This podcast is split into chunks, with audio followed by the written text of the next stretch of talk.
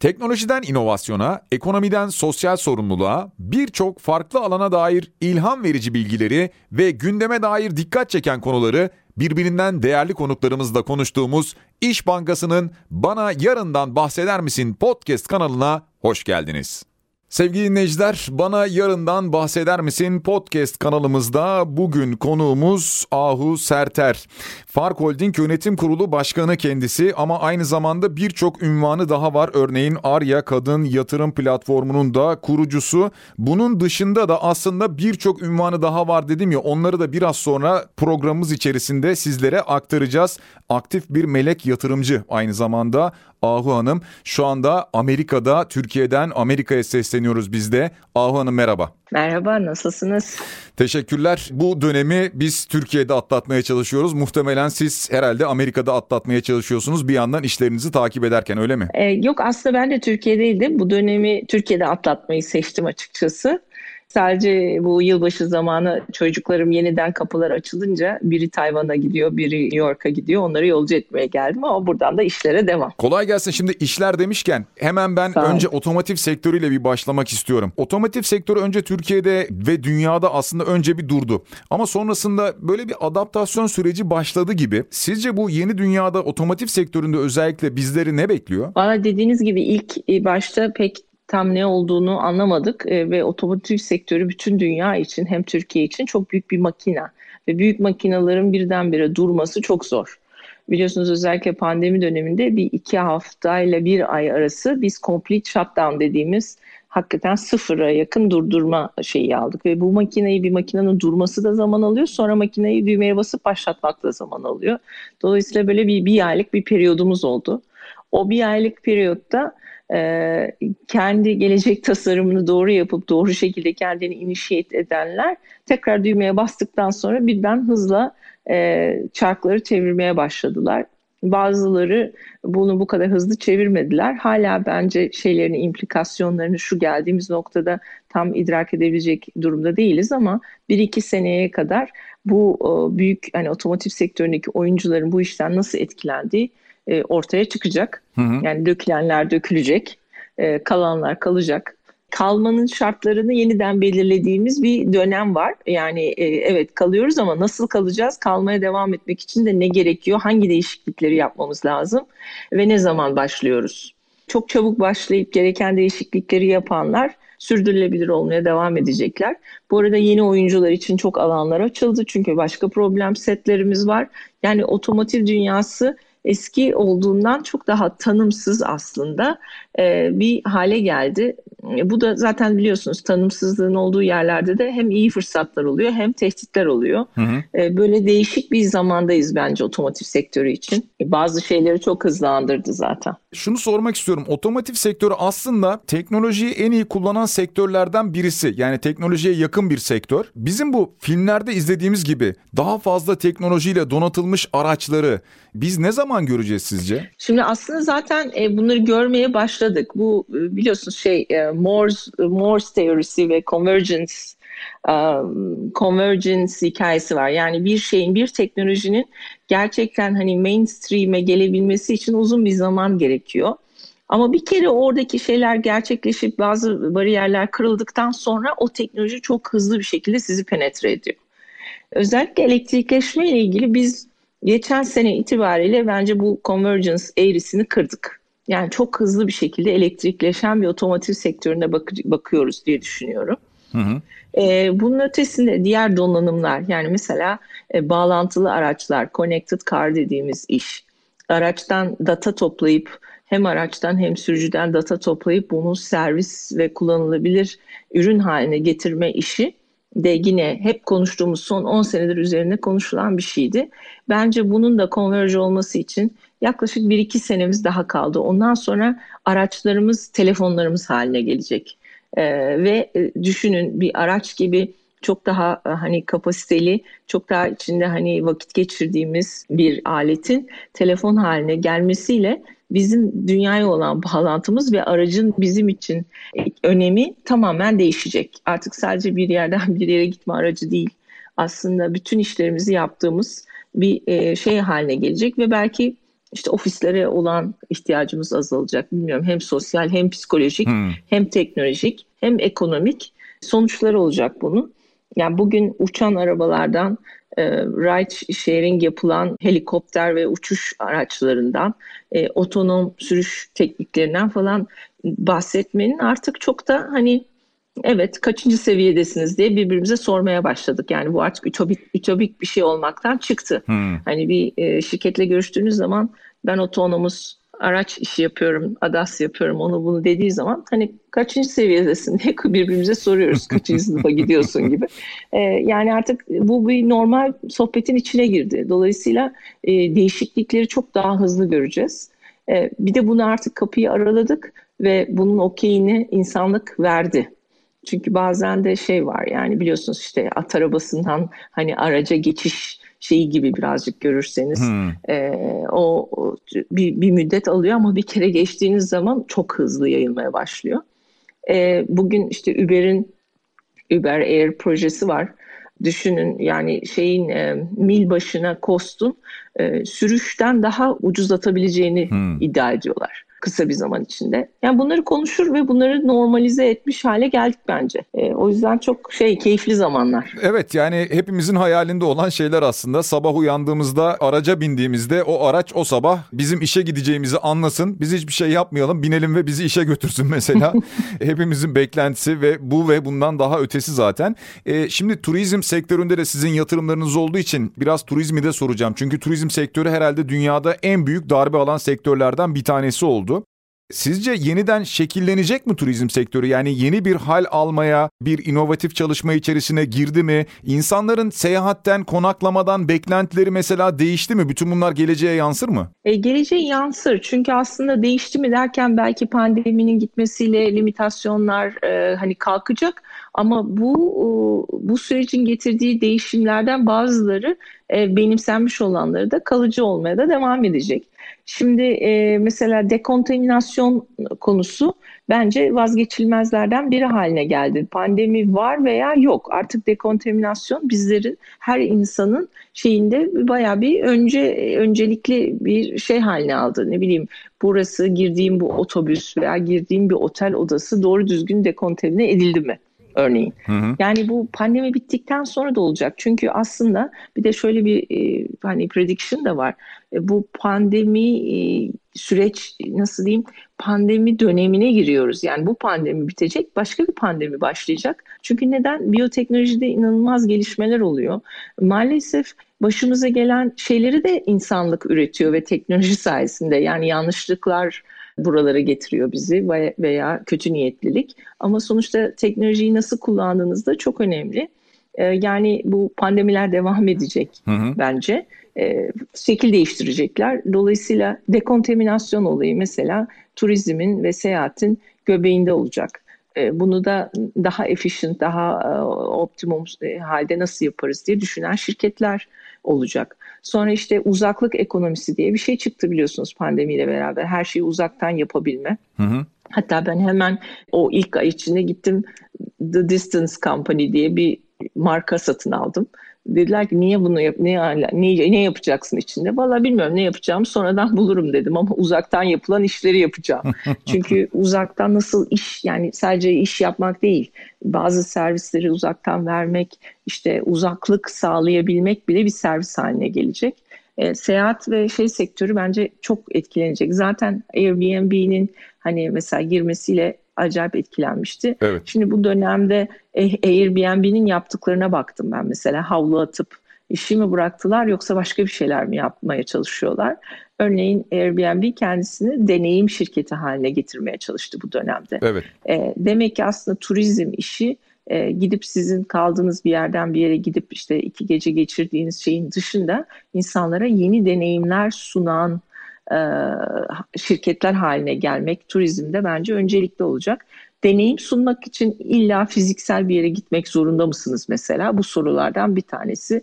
Yani koltuğunuzda oturarak da turizm deneyimi yaşayabilir misiniz? Hmm. E, bu da sorulardan biri. E, şeyin Financial Times'da Ellen de Bouton'un Alain de Botton'un harika bir şeyi vardı yani couch e, turizm diye. Aslında böyle bir dönem geçirmeseydik biz bu tür fikirleri test etmeye çok da fırsat bulamayacaktık. Doğru. Onun için iyi bir testing period oldu. Yani illa e, turizm o yüzden şekil değiştirecek. Yani turizmciyim demek sadece otelim var, restoranım var, insanlara fiziksel deneyim sunuyorum demek değil artık. Her türlü deneyim sizi turizmci yapabilecek. Ve insanlar bir deneyimi tattıktan sonra e, yani beğenirlerse muhakkak devamı gelecektir ama e, biraz da farklı deneyimler peşinde e, koşturuyorlar. E, onu fark ediyorum son dönemde. E, bir yere gidiyorlarsa bir sonraki sene farklı bir deneyim yaşamak istiyorlar. Yani eskisi gibi çok aynı yere gitme sanki biraz ortadan kalktı gibi görünüyor. Bilmiyorum öyle mi acaba? Evet bir kere artık şey şöyle gidebilme özgürlüğü çok değerli hale geldi mesela e, burada yani ne değerlendi derseniz bu dönemde bir kere gidebilme özgürlüğü çok önemli. E, şimdi gidebilme özgürlüğünüz olunca da tabii bunu bu özgürlüğünüzü her sene aynı yere kullanarak e, gitmeyi kullanarak mı tüketirsiniz yoksa bu özgürlüğünüzü farklı yerlerde mi test etmek istersiniz? Aslında insanların bilinci de o açıdan açıldı. Sizin dediğiniz trende de bence bu yol açıyor. Diğer şeylerde de mesela işte her şey birbiriyle bağlantılı hale geldi. Örneğin bizim bir Connected Car platformumuz var. Ee, içeride mobility çözümüyle şey yaptığımız. Hı hı. Ne yapıyor? Sizin aracınızın konektivitesini ölçüyoruz. Nereye gidiyorsunuz, ne yapıyorsunuz, alışkanlıklarınız nedir? Şimdi biz teknolojiyi yapıyoruz ama use case'ler o kişiye kalmış. Ee, buradaki hangi servisleri üzerine koyacaksınız? Aracınızla giderken siz neleri istersiniz? Ee, örneğin bir road trip'e çıktınız, e, gezeceksiniz ailenizle. İşte gezerken artık önceden böyle hani eskiden biliyorsunuz guide'lar alınırdı, saatlerce onlar yıl, günlerce çalışılır, rezervasyonlar evet. yapılır. Belki bunu sizin için yapan bu teknolojinin üzerine kurulmuş bir turizm şirketi çıkacak. Siz sadece ona hangi yolu ve kaç kilometre gitmek istediğinizi söyleyeceksiniz. O size şurada ye, şurada yat, şurayı gör, e, sana rezervasyon yaptım e, diye başka başka servisler önerecek. Yani hmm. o deneyimden kastım aslında hem teknoloji hem insanların ihtiyacı hem de daha önceki offline alışkanlıkları bir araya getirilip getirilip bize aslında farklı e, bunların hepsi bir şirket aslında bakarsanız. Hepsinin bir şirket olabilecek şeyi var, potansiyeli var. Bunu geliştirebilen insanlara ihtiyaç var şu anda. Çünkü teknoloji dizaynı başka bir şey, business design bambaşka bir şey. Ne kadar çok use case'iniz olursa sizin kullanım oranınız artıyor. İşte e, valla turizm e, mesela yiyecek içecek işleri bugün karanlık mutfaklardan bahsetmeye başladık. Yani insanların ben mesela McDonald's ısmarlayacağım ama illa McDonald's e, dükkanından gelmesi şart değil artık. Karanlık aynı böyle otomotiv fabrikaları gibi e, hat hat üretim yapan bir yemek fabrikasının McDonald's hattından belki işte e, yemeğini ısmarlıyor olacağım e, gibi ve bunların içinde belki marketin %90'ı 95'i bunlara dönerken bunların dışında işte bizim bugün offline'da alışkan olduğumuz şeyler diyelim ki %5'e düşecek de artık niş segment olarak kalacak. Hmm. Hani nasıl e, bugün spor arabaya binmek, üstü açık küçük bir spor arabaya binmek niş bir experience. Herkes gidip spor araba almıyor ama herkes bunun hayalini kuruyor ve hayatının belli döneminde bunu sürmek istiyor. Hı hı. Ee, belki bir restorana gitmek de işte e, bizim için belki bizim jenerasyonumuz için değil ama sonraki jenerasyonlar için böyle bir deneyim haline gelecek. Yani çok çok hızlı ve değişik e, zamanlar ne iyi ne kötü demek zor. Evet doğru. Bu arada şimdi tüm bu anlattıklarınızdan bir yandan şunu da düşünüyorum. Tabii artık hayatımıza bir zamansız ve mekansız ticaret de girdi, bir alışveriş de girdi. Tüm bunları yaparken aslında bu ödemelerimizi yani ticaretimizi tamamen online yapmaya başladık. Yani hayatımızda bir temassız ticaret var şu anda. Ee, çok yoğun değil belki ama genel anlamda bunu hissediyoruz. İleride tamamen mi artık temassız ticarete geçeceğiz? Ne öngörüyorsunuz? Kesinlikle yani e, fiziksel paranın çok yakında ortadan kalkacağını düşünüyorum. Büyük ölçüde kalktı aslında e, ve şeyin de bunun e, perakendeye olan e, etkilerini de özellikle pandemi zamanında e-ticaretteki müthiş artıştan da gördüğümüz gibi artık e, normal fiziksel para, perakende maalesef çok zor durumda. Bunda Amerika'daki en büyük para, perakende şirketlerinin, büyük department store'larının zaten hani e, iflasından da anlıyoruz. E, dolayısıyla ticaretin ve alışverişin tamamen online'a kayacağı ama alışveriş deneyimleri sunan e, girişimlerin çok öne çıkacağı örneğin bir şeyden bahsediyoruz. Şimdi buralardaki işte tehditler bunlarsa fırsatlar nedir? Örneğin e, fiziksel olarak shopping mall'lar, e, alışveriş merkezlerinin kullanımın tamamen değişeceğini düşünüyorum. Artık e, mal almak için, ürün almak için değil de belki deneyim yaşamak için gideceğimiz yerler haline gelmeleri lazım. E, bu konuda da Türkiye'de büyük alışveriş merkezi geliştiricileriyle de mesela geleceğe yönelik çalışmalar yapıyorum. Bu mollar çünkü büyük büyük asetler, inanılmaz paralar harcanmış evet. ve onlar orada 100 yıl duracak. yani sonra ne, yap ne yaparız, nasıl değerli hale getiririz? Sadece ticari olarak değil, toplum olarak da e, dönüştürülmesi gereken şeyleri nasıl dönüştürürüz sorusuna kafa yoran e, konseptler, şirketler, insanlar ortaya çıkacak. Bu da yeni bir meslek olacak aslında. Ben kendi yeni kariyerimi de böyle görüyorum. Dönüşüm uzmanı belki dönüştürücü olmak. E, hani upskilling diyoruz ya kendi yeteneklerimizi yeni e, teknolojinin yeni yüzyılın e, yetenek setine nasıl uyduracağız? Yani bugün klasik bir şirket patronu e, kendini nasıl e, yeniden şekillendirebilir? E, örneğin bu soruları sorduğumuz zaman da farklı farklı yeni meslek e, tanımları ortaya çıkıyor. Evet aslında dönüşüm çok önemli bir başlık doğru. Peki bu dönüşümle beraber biraz önce bahsetmiş olduğumuz işte alışveriş merkezleri yani o binalar o yapılar da ortada duracak. Ama çevre dostu üretim ve çalışma modelleri de benimsenecek mi bir yandan acaba? Valla umarım öyle olur. Sürdürülebilirlik e, bence bizim yüzyılımızın en önemli konularından bir tanesi. Şimdi e, hızlı bir şekilde bunun dünyanın gündemine girdiğini görüyoruz ama dünyanın gündemine girmekle bir pratik haline gelmesi yani ortak bir pratik haline gelmesi arasında maalesef zaman e, şeyi oluyor. Hı hı hı. Zaman dilimi giriyor araya. E, fakat e, tabii ki yaptırımlar, işte devletlerin politikası, sosyal bilinç, İskandinav ülkelerindeki olan sosyal bilinci olmayan, başka dertleri olan bir gelişmekte olan bir ülkede e, bu sosyal bilinci bulmak tabii ki zor oluyor.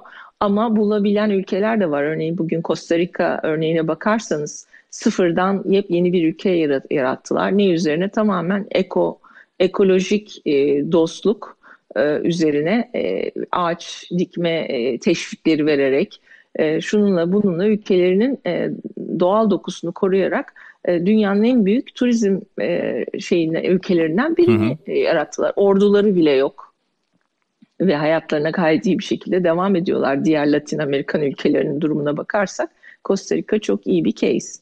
Ha, sürdürülebilir olur umarım. Tabii ki bu kadar huzursuz komşunun arasında siz huzurlu kalabilir misiniz? O da ayrı bir şey. Yani dünyada artık sadece sizin sürdürülebilir olmanız e, hayatınızın sürdürülebilir olduğu anlamına da gelmiyor. Etrafınızla birlikte huzurlu olmanız şart. E, dolayısıyla ben şirketlerin logos şeyinin e, amaçlarının da e, buna yönelik olarak değişmesi gerektiğini düşünüyorum. Kendi şirketimiz mesela bütün misyonunu birlikte daha iyi bir gelecek için dedik. Better Future Together. Hmm. Çünkü together olmayan, herkes için iyi olmayan bir gelecek sadece sizin için iyiyse sürdürülebilir olması mümkün değil maalesef. Evet e, dünyanın önemli sorunlarından da bir tanesi herhalde bu. Bir de bir başka e, alanınıza geçmek istiyorum şimdi ben. E, Arya Kadın Yatırım Platformu. Şimdi siz böyle bir platform kurdunuz. Evet. Platformu bilenler vardır ama bilmeyenler için biraz bu platformdan bahseder misiniz? Bir de tabii böyle bir platform kurunca bir birlikte hareket ortaya çıkıyor. Bu birlikte hareketin sağlamış olduğu evet. ne gibi avantajlar var? Bir de kadınlar yatırım yapmaya nasıl yaklaşıyorlar? Şimdi aslında Arya Kadın Yatırım Platformu benim için her şeyin başlangıcı başlangıcı. Ben 40'lı e, yaşlarıma kadar çok işte profesyonel dünyada çok çalışıp hani klasik profesyonel dünyanın e, beklentilerine cevap vermeye çalışan bir iş insanıydım. Ve hayatımda kadınlardan çok hep erkekler yer aldı. Hiçbir şikayetim de olmadı. Çok rahat rahat çalıştım hepsiyle. Hem New York'ta finansta çalışırken hem sonra otomotiv sektöründe aynı şekilde. Fakat e, o yaşlarda bir şey gelmeye başladı bana. E, özellikle üç kızım var. Üçüncü kızımın da doğumundan sonra. Hı hı. E, yani kadınların bu dünya üzerindeki yeri nedir? Daha çok kadın e, bizim yaptığımız işlerde yer alsaydı dünya nasıl farklılaşırdı? E, ben e, kazandıklarımı nasıl geri verebilirim, kime geri verebilirim diye düşünürken aslında Arya konsepti ortaya çıktı. E, çünkü şunu görmeye başladım ki eğer kadınların daha fazla şey yapacak imkanı olsaydı daha fazla dünyaya katkıda bulunur, değiştirirlerdi ve dünya belki bugünkü geldiğimiz yerde olmazdı.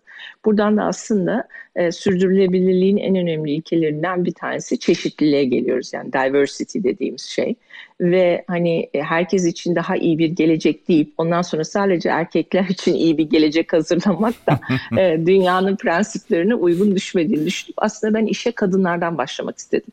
Çünkü değişime ve dönüşüme en çok kimin ihtiyacı vardır?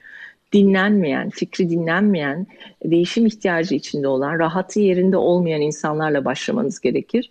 Ve bu, bu soruyu kendime sorduğumda hani kim bu? Dünyada bu insanlar kim?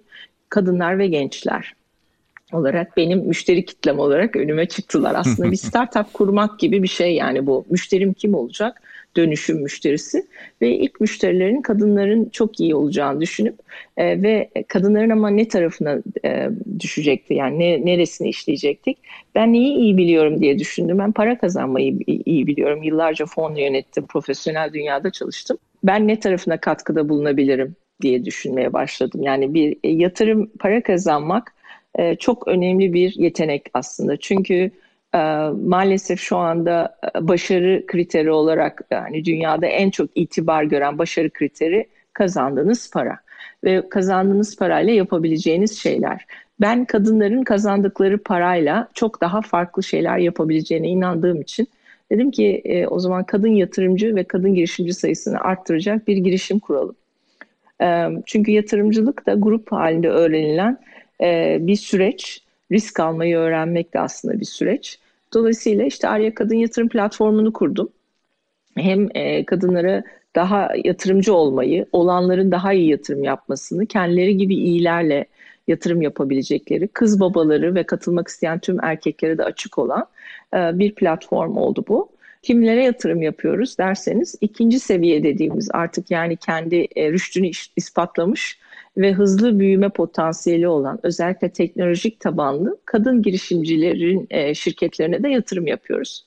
E, bugüne kadar 2,5 milyon dolardan fazla yatırım yaptık. Challenge Club'larımız var. Burada hani yatırımcı olma potansiyeli olan kadınlar var. Hem birbirinden öğrenme hem kendine yatırım yapma üzerine kulüpler var. Burada 200'den fazla kadın üyemiz var. Tüm Arya genelinde de 5000 adet üyemiz var. Bunların bazıları girişimci, bazıları girişimci olmak isteyen profesyonel, bazıları yatırımcı olmak isteyen kadın kurumlar var. Kurumlar derken de tabii ki en başında da İş Bankası başından beri en büyük destekçimiz. Yani Arya bir sosyal girişim ve bugünkü geldiği yere ilk gün gelmedi. Ee, küçük küçük başladık ve her e, adımında İş Bankası e, her şeyiyle tüm hakikaten sadece yani sponsor gibi değildi. Tüm benliğiyle hep yanımızdaydı. Onun için de çok teşekkür ediyorum kendilerine. Biraz önce gerçi bahsettiniz kısmen ama kadınlardan genel itibariyle nasıl bir başvuru koşulu bekliyorsunuz? Biraz daha kendi rüştünü ispat etmiş olan firmalardan bahsediyorsunuz anladığım kadarıyla. Bu destek ne anlamda oluyor bir de? Yani iş geliştirme gibi alanlarda da yardımcı oluyorsunuz anladığım kadarıyla. Şimdi hanımların geldikleri zaman ilk ihtiyacına bir bakıyoruz. Önce bir ön görüşmemiz var herkesle yaptığımız ve bunun sonucunda sizin aslında neye ihtiyacınız var ve neye hazırsınız. Örneğin bizim yatırım süreçlerimize giremeyecekseniz ama yine de Arya'dan faydalanabilecek bir kişiyseniz size Arya'nın işte mentorluk programları var, shopping festler var, müşteri edinmeniz için program hı hı. var, kendi gelişiminiz için programlar var. Onlara yönlendiriyoruz. Yatırım tarafında e, diyelim ki e, belli bir yerdesiniz ama henüz yatırım almaya hazır değilsiniz. Hızlandırma programına girmeye ihtiyacınız var. Sizi hızlandırma programımıza yönlendiriyoruz. Bu e, böyle 6 haftalık bayağı ciddi bir program. Bunun sonunda da katılanların bir yarışma sonucu ilk 5'i seçip sahneye çıkardığımız bir treatimiz var. Orada da hmm. bütün yatırımcıları da davet ediyoruz. Ee, burada işte yatırım alabilir misiniz, alamaz mısınız veya yatırım olmasa bile nasıl müşteri toplarsınız ve kendinize partner bulursunuz diye e, bu hanımlara destek oluyoruz. Ama amacımız oradan o 10 kişiden en az bir, bir iki tanesinin yatırımını kapatmak. Örneğin bu sene üçüncü olan, dördüncü olan hatta bir grup vardı Nuts and Tech hı hı. diye çok genç bir ekip İTÜ'den 100 bin dolar yatırımla kapadılar bu hızlandırma programının sonunda Arya'dan. Ee, diğer iki tanesi zaten sürecin içinde yatırım aldı. Çünkü aynı zamanda da Arya hızlandırma programına katılmak, kendi e, PR'ınızı yapmak, şirketinizi daha iyi tanıtmak, doğru kitlelerin önüne çıkabilmek için çok iyi bir fırsat. Hmm. Diyelim ki çok hazırsınız, geldiniz biz sizi çok beğendik. O zaman da her ay yaptığımız yatırımcı kulübü toplantılarımız var. Orada hem hazır yatırımcılar bekliyor hem Türkiye'nin en iyilerinden oluşan bir yatırım komitemiz var. Yatırım komitesiyle e, birlikte yatırım yapmanın amacı da e, yatırım yapmayı aslında en iyilerden öğrenmek. Bu e, komitenin karşısına çıkartıyoruz girişimcileri ve aylık bazda da e, yatırım toplama e, şeyi de gerçekleşiyor. Yani farklı farklı kişinin girişimin hazırlığına göre, hazırlık durumuna göre biz onları yönlendiriyoruz. Amacımız da ne? Onlar bizden yatırım alıp işlerini büyüttükten sonra tekrar gelsinler. Bu sefer de Arya yatırımcısı olarak kendileri gibi gelen arkadan gelen girişimlere destek olmaya devam etsinler. Ne güzel. Evet. Yani aslında baştan sona güzel bir iş yapıyorsunuz. Bir yandan desteklerle de bunu devam ettiriyorsunuz. Bir yandan da tabii siz anlattıkça ama sizi tanıyanlar muhakkak bilecekler. Siz e, yeni fikirler üretmeyi, e, hatta inovatif ve fark yaratan fikirler üretmeyi seviyorsunuz. Böyle bir iş insanısınız, bir kadınsınız, bir annesiniz. Siz genel anlamda bundan sonrası için dünyanın geleceğini genel olarak nasıl görüyorsunuz? Acaba mesela teknoloji hayatımızda geliştikçe insanlar bu teknolojiye yenilecek mi? Yoksa tutsak mı olacağız bu teknolojiye? Veya sosyal yaşamlarımızı nasıl yaşayacağız? Dijital ortamlara mı taşıyacağız? Ne dersiniz? Vallahi şöyle e, dediğiniz gibi yeni fikirlere çok inanan ve bununla yaşayan insanların pesimist olması mümkün değil. Zaten pesimist olsaydım böyle birisi olmazdım. E, o yüzden optimizm bizim gibi insanların şeyi, fuel'u yakıtı diyeyim. Hı hı. O yüzden ben her zaman optimizmimi koruyorum. Tabii ki burada gelen eğitimden gelen bir kere matematiksel analiz kabiliyetinden gelen bir şey var. E, her şeyi, her riski algılamak, onları görmek ama buna rağmen hala iyimserliğini korumanın da bir yolu olduğunu düşünüyorum. Eski Fed Başkanı e, ben New York'ta çalıştığım senelerde tabii her gün kendisiyle birlikteydik piyasalar yönetirken e, ve şey derdi o ben cautiously optimistic derdi yani e, dikkatli olarak iyimserim. Hmm. E, ben de böyleyim. Çünkü aslında teknoloji şöyle bir şey yani e, onu kullanan el, insanların elinde teknolojinin size ne vereceği. Dolayısıyla burada aslında teknolojik değişimle birlikte çok önemli bir sosyal ve bilimsel değişim gerçekleştirmeli dünya. Ve kapitalizmin tanımı değişmeli. Çünkü şu anki haliyle kapitalizm tanımını uygularsak ve bunu bir başarı KPI olarak yöneticilerimize, şirketlerimize, ülkelerimize verirsek dünyanın sonunu kendi elimizde hazırlıyor oluruz. Bu yüzden işte kadınların zaten e, bütün bu kararlara katılması önemli. Neden? Çünkü kadınlar kendilerinden önce çocuklarını, ailelerini, çevrelerini düşünen bir tip. E, bu biyolojik olarak böyle doğuyoruz ve bu kişilerin de yönetime katkısıyla beraber bu sosyal bilinç ancak değişebilir. Sosyal bilinciniz değiştiği zaman da sizin teknolojiyle yaptığınız işlerin kalitesi ve yönü de farklılaşır.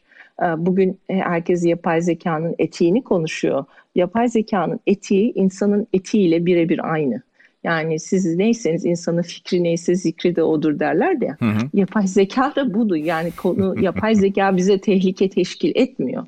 İnsan zekası ve insan duygusu bize tehlike teşkil ediyor. Dolayısıyla oraya yüklediğimiz anlam çok önemli.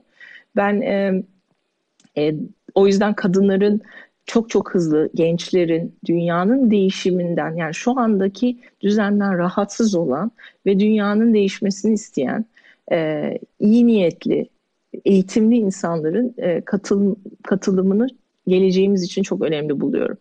O yüzden de mesela eğitim teknolojileri de değişmesi lazım. Yani her şey oradan başlamalı. Biz ülkelerimizin e, bütçesini yapmaya savunma sanayinden değil, eğitim sektöründen başlamalıyız kadın haklarından başlamalıyız. E, asıl büyük değişiklikleri bize bunlar getirecek.